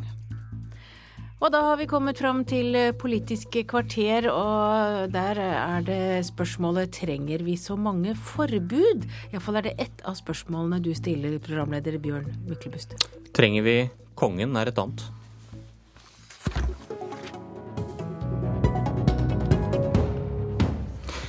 Dagbladet i går. Kronprinsesse Mette-Marit på fottur med buddhistisk guru. I dag SV vil avvikle kongehuset, men eh, Snorre Valen, stortingsrepresentant for SV, det var kanskje ikke en buddhistisk flørt som fikk dere til å hente fram igjen grunnlovsforslaget om Nei. å fjerne monarkiet? Det var ikke guruen som utløste det. Eh, Hver stortingsperiode så fremmer vi forslag om å endre statsform, og den gangen her har vi gjort jobben litt mer grundig og lagt opp til et løp som både skal ha med en utredning av eh, andre mulige statsformer i Norge, eh, og en behandling i Stortinget og en folkeavstemning. I olympiske grener så skal man kanskje forbedre seg fra gang til gang. Men du, selv om hva de kongelige gjør eh, ikke har noe å si for deres prinsipielle standpunkt, så har kanskje kongehusets stilling i folket alt å si for om dere har noen sjanse til å lykkes? Ja og nei. Jeg syns at riktig tidspunkt å ta en debatt om statsform er nettopp når kongen er populær. Og det er fordi du får en prinsipiell debatt da, som ikke handler om person, men som handler om hva slags statsform som er demokratisk og riktig å ha. Men liten sjanse til å lykkes? Nei, men altså I Sverige så får du en debatt om republikk hver gang kongen dummer seg ut. og Det er ikke et hyggelig debattklima. Sånn vil vi ikke ha det i Norge. Jeg tror eh, at med en ordentlig debatt, med en ordentlig utredning av statsform, så har vi gode muligheter for å få med mange flere på forslaget om republikk denne gangen. Og ikke minst så får vi en ordentlig diskusjon om statsform. For det har vi ikke hatt i Norge på flere tiår. Det er synd. For vi har en grunnlov som er fullstendig utdatert, og som slår fast at statsoverhodet er hellig. Og det hører ikke hjemme i et moderne land i 2012. Sitat, Jeg mener Norge er veldig godt tjent med å ha kongedømme så lenge det norske kongehuset opptrer på en måte som de gjør nå. Sitat slutt. Nå pleier gjestene å bli veldig nervøse, for da tror de det er et, noe de har sagt tidligere. Men dette er Erik Solheim. Ja, jeg skulle tippe det var Kristin Halvorsen, jeg, men eh, nå er jeg nære nok. Men selv når motstandere av monarkiet er tilhengere, da har dere en utfordring. Nei, vet du hva, det mener jeg ikke. Jeg mener tvert imot, som jeg sa i stad, at eh, det er når kongen er populær at du kan ha en, en viktig eh, prinsipiell debatt. Så er det selvfølgelig sånn at f.eks. Eh, etter 22. juli, og i mange andre viktige sammenhenger òg, så gjør kongehuset en veldig viktig og en veldig god jobb. Eh, men det skulle vel egentlig bare mangle. Altså Når du har den funksjonen du har som kongehus, så er det ikke rart at, at disse menneskene er flinke til å være symboler og til å ivareta eh, de interessene man skal gjøre som konge. Det gjør det ikke prinsipielt riktig. Jeg tror at folkevalgte kan være like folkekjære og like gode symboler som det monarker kan. Hans Olav Syversen, parlamentarisk leder i Kristelig Folkeparti. Ja, Viste 22.07 at Snorre Valen tar feil? Jeg tror 22.07 eh, bare bekreftet det som eh, mange i Norge mener allerede fra før, at kongehuset spiller en eh, viktig nasjonal rolle, ikke minst når vi får rystende begivenheter. Det har jo vært typisk for det norske kongehus å vise sin styrke når Norge har blitt utsatt for rystende hendelser. Om det... det... har vært krig, eller om det har vært den type hendelser du refererte til. Men er det det vi trenger dem til, først og fremst? Jeg tror det er kanskje den aller viktigste funksjonen. At de samler eh, nasjonen. Og i en tid hvor alt går veldig fort og mye forandres fra det ene året til det andre, så tror jeg også dette med tradisjoner og litt langsiktighet, eh, det har betydning også for en stor, stor del av det norske folk. Og for å ta det var jo snakk om guru, men i går f.eks. så var det jo slik at dronningen eh, promoterte Edvard Munch i en stor utstilling i eh, Storbritannia, i London. Vi vet at når vi har næringslivsdelegasjoner hvor kongeparet f.eks. er med, eller kronprinsparet, så er dette også bidrag for å styrke Norges rolle internasjonalt. Så jeg vil si de gjør en kjempegod jobb. Og eh, de har eh, stor støtte i det norske folk. Alle undersøkelser viser vel at rundt 70% fortsatt støtter monarkiet. Og så skal vi huske på det at det norske monarki faktisk er folkevalgt. Eh, det ble gjeninnført på en måte som norsk styreform gjennom en folkeavstemning. Hva syns du om den demokratitolkninga Snorre Valen? Nei, Den siste syns jeg er litt billig. Altså, den folkeavstemninga var for over 100 år siden, og så lange valgperioder er det vel ikke så mange steder man har. Men jeg er enig i at folk er de som må avgjøre dette, og derfor så ligger det en folkeavstemning inne som det viktigste delen av, av vårt forslag. Så jeg kan kommentere et par andre ting som, eh, som, Syversen var inne på. For det første så er det helt riktig at kongehuset eh, har gjort mye viktig og mye bra for Norge. Men vi er da også prisgitt et vennlig innstilt kongehus. I Grunnloven så ligger mange muligheter for bruk av makt og mange muligheter for å påvirke måten landet blir styrt på, som kongen avstår for å bruke av sedvane. Men kongen kan gjøre det. Monarken kan gjøre det. Så vi har altså prisgitt en, et statsoverhode som ikke er valgt, men som må oppføre seg ordentlig for at vi ikke skal få store problemer med hvordan vi styrer staten. Det mener jeg prinsipielt uholdbart. Men igjen til det vi starta med, hadde ikke det vært til hjelp for din sak, hvis faktisk kongehuset gjorde en dårlig jobb. Jo, men jeg vil jo helst ikke komme dit at vi får problemer med f.eks. Eh, hvilken regjering vi skal ha, eller hvilke lover vi vedtar før vi får en ordentlig debatt om statsform. Det andre er at vi, vi er på vei inn i en tidsalder og et informasjonssamfunn der jeg tror det blir stadig vanskeligere å være tronarving og være monark. Ingrid Alexandra vil aldri få muligheten til å engasjere seg i et politisk ungdomsparti. Hun vil aldri kunne uttale seg politisk, men samtidig så er det jo sånn at kronprinsen i dag beveger seg stadig mer inn i et politisk område. Og så langt så har vi syntes syntes det var greit, fordi han holder seg veldig innafor det etablerte politisk korrekte. Hvis kronprisen hadde uttalt seg mer i retning Høyre f.eks., så tror jeg mange flere ville reagert. Og da har vi store prinsipielle utfordringer som jeg syns det blir for lett å avfeie med at kongehuset i tidligere tider har gjort en viktig jobb for landet. Det er ikke god nok argumentasjon for en statsform som hører hjemme i en annen tidsalder. Ja, jeg mener jo det ikke er i tidligere tider vi snakker om. Vi snakker om at de gjør en viktig og god jobb for landet slik som det er, og at eh, monarkiet faktisk bidrar til en stabilitet i det norske statsstyret som er vel verdt å ta vare på. Hva, men, hva, sier du om den lille sånn eh, teoretiske konstitusjonelle bomben jo, som han men, eh, drar opp her, da? Men teorier kan man jo problematisere, og jeg er enig i at jeg tror ikke monarkiet er mer rotfestet i Norge enn at det selvfølgelig er avhengig av hvordan de som besitter tronen, opptrer. Så det er klart at hvis man får en monark som går helt på tvers av det folkemeningen representerer, så er ikke jeg fremmed for at det ville utløse eh, en mye sterkere debatt enn det vi til nå har hatt om statsformen. Og eh, nå er Snorre Valen optimist på sitt eget partis vegne, men det var faktisk eh, Jeg var jo saksordfører da dette forslaget kom opp denne perioden. Eh, det har vel aldri vært færre representanter som har stemt for eh, republikk enn det var eh, da. Så jeg tror nok SV har en lang vei å gå fortsatt. Valen? Jeg tror tvert imot at med måten vi har utforma dette forslaget på, så får vi en grundigere debatt om statsform enn Norge har hatt på flere tiår. Eh, da vil nok også flere republikanere komme ut av skapet. Eh, for vi har ikke hatt en debatt der det er fakta og ordentlig, stats, ordentlig statsform som har vært utgangspunktet for debatt. Men terskelen hadde kanskje vært litt lavere hvis du bare kunne forby monarkiet, Valen? Nei, jeg tror folket aktivt skal få velge statsform selv. Det, sånn har vi gjort det før, og sånn bør vi fortsatt gjøre det.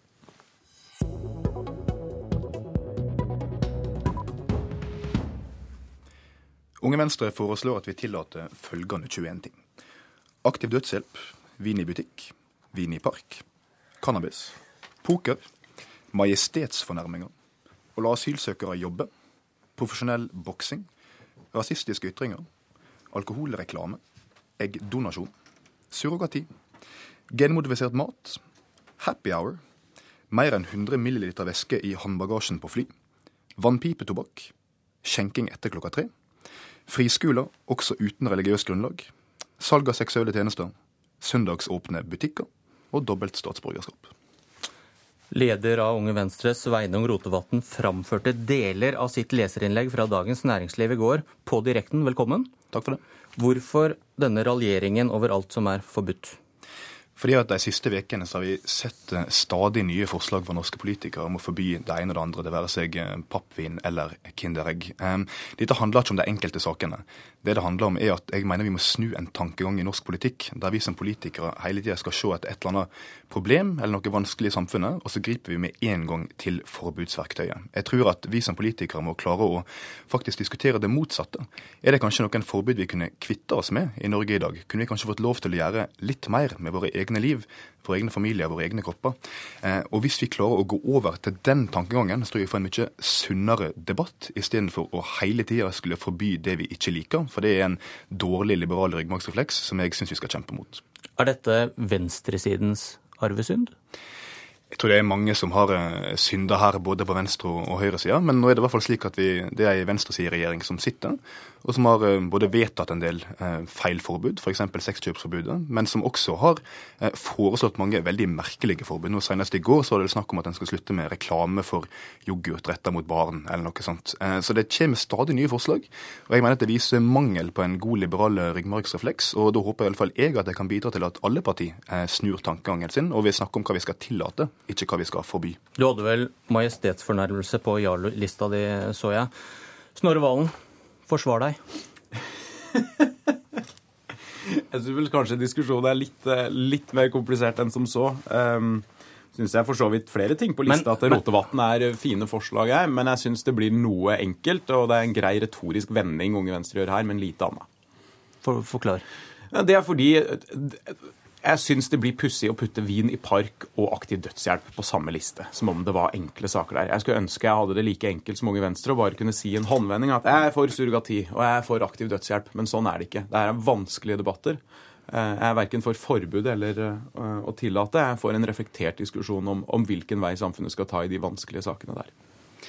Det er ikke slik at alle forslagene våre er enkle. Noen er vil jeg kalle liberale no-brainers, som Wien i Park, som sikkert Snorre er enig i og burde stemme for. Andre er vanskelige, som aktiv dødshjelp. Men det er diskusjonen som er viktig. Og det jeg mener litt av problemet, er at når vi hele tida skal drive og straffe folk for det de gjør mot seg sjøl, så mister vi den moralske autoriteten til å si nei neste gang. Og jeg syns SV er et godt eksempel på det. Fordi at når de da først gikk inn for eh, sexkjøpsforbudet for noen år siden, så har de problem, mener jeg, moralsk med å være mot det tiggeforbudet som da Høyre foreslår år etterpå. For de bruker nøyaktig samme argumentasjon. Det er bare to ulike saker. Og det er litt eh, skremmende, mener jeg, at det bare finnes ett parti på Stortinget som var mot begge forbudene, og det er Venstre. Dette er interessant, fordi tigging og sexkjøp er jo to grunnleggende forskjellige ting. Og det illustrerer hvordan jeg mener Venstre eh, gjør lettvintheter. Eh, prostitusjon er påviselig knytta til menneskehandel. Derfor eh, var vi for å innføre eh, sexkjøpforbudet. Tigging er jo beviselig, ifølge forskningsrapporter, ikke det. Det å tigge er et uttrykk for nød, ikke uttrykk for å, å legge kroppen sin ut for salg. Det er to helt forskjellige diskusjoner, og det, jeg tror nesten det bare er Unge Venstre som behandler det som det samme. Og så har ikke jeg lyst til å bli med på premisset for diskusjonen her. For det er jo ikke sånn at alle forbud fratar folk frihet. Så Forbud mot menneskehandel og forbud mot slaveri det gir større frihet.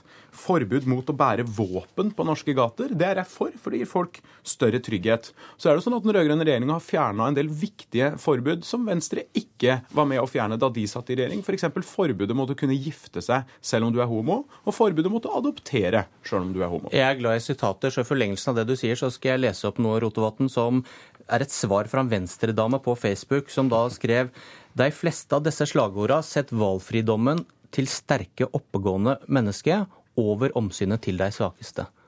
Det er som svar på lista di.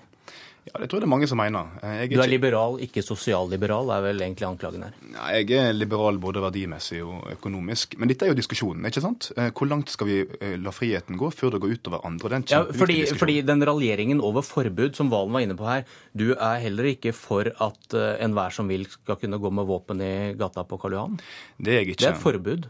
Ja, og jeg er ikke mot forbud, men jeg er mot forbud mot det som bare går utover deg sjøl. Derfor er jeg f.eks.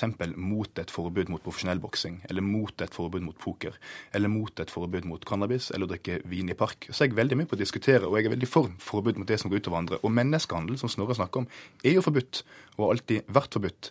Det som er problemet når en foreslår å forby eh, det jeg egentlig vil si, det vi ser ute på gatene. Ikke sant? Det handler om narkotika, det handler om prostituerte, det handler om tiggere, som er det samme. Det er sosial renovasjon for at det skal bli litt vakrere å gå rundt i Oslo, og det syns jeg er en feil måte å bruke forbud. Valen, hva tenker du om den distriksjonen han dro opp her nå, at forbud Eh, ikke, eller ikke forbud mot det som bare gjelder deg sjøl som ikke rammer andre. Jeg syns nok en gang at sexkjøploven er et interessant eksempel. For det er jo så klart sånn at tillater samfunnet, og sier samfunnet at man tillater det at en kropp er til salg, så degraderer jo det menneskeverdet til alle. Ikke bare de som selger kroppen sin ut av sosial nød. Og det er det som skiller sexkjøploven fra noen av de andre eksemplene Unge Venstre kommer med. Det er ikke sosial renovasjon å gjøre det straffbart å kjøpe kroppen til andre mennesker.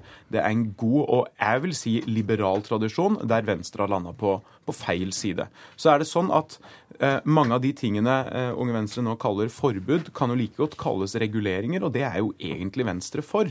Eh, og Derfor skjønner jeg ikke helt hvordan denne 21-punktslista er satt sammen. For jeg har vanskelig for å se koblinga mellom eh, Vin i park, som eh, Rotevatn er helt rett i, det har ikke jeg de store problemene med, og aktiv dødshjelp, som man burde hatt et langt mindre skråsikkert forhold til.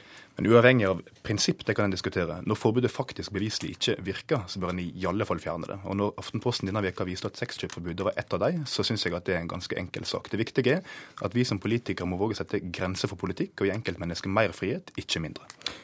Snorre Valen, Sveinung Rotebakken, takk for at dere kom til Politisk kvarter, som nå er slutt. Jeg heter Bjørn Myklebust.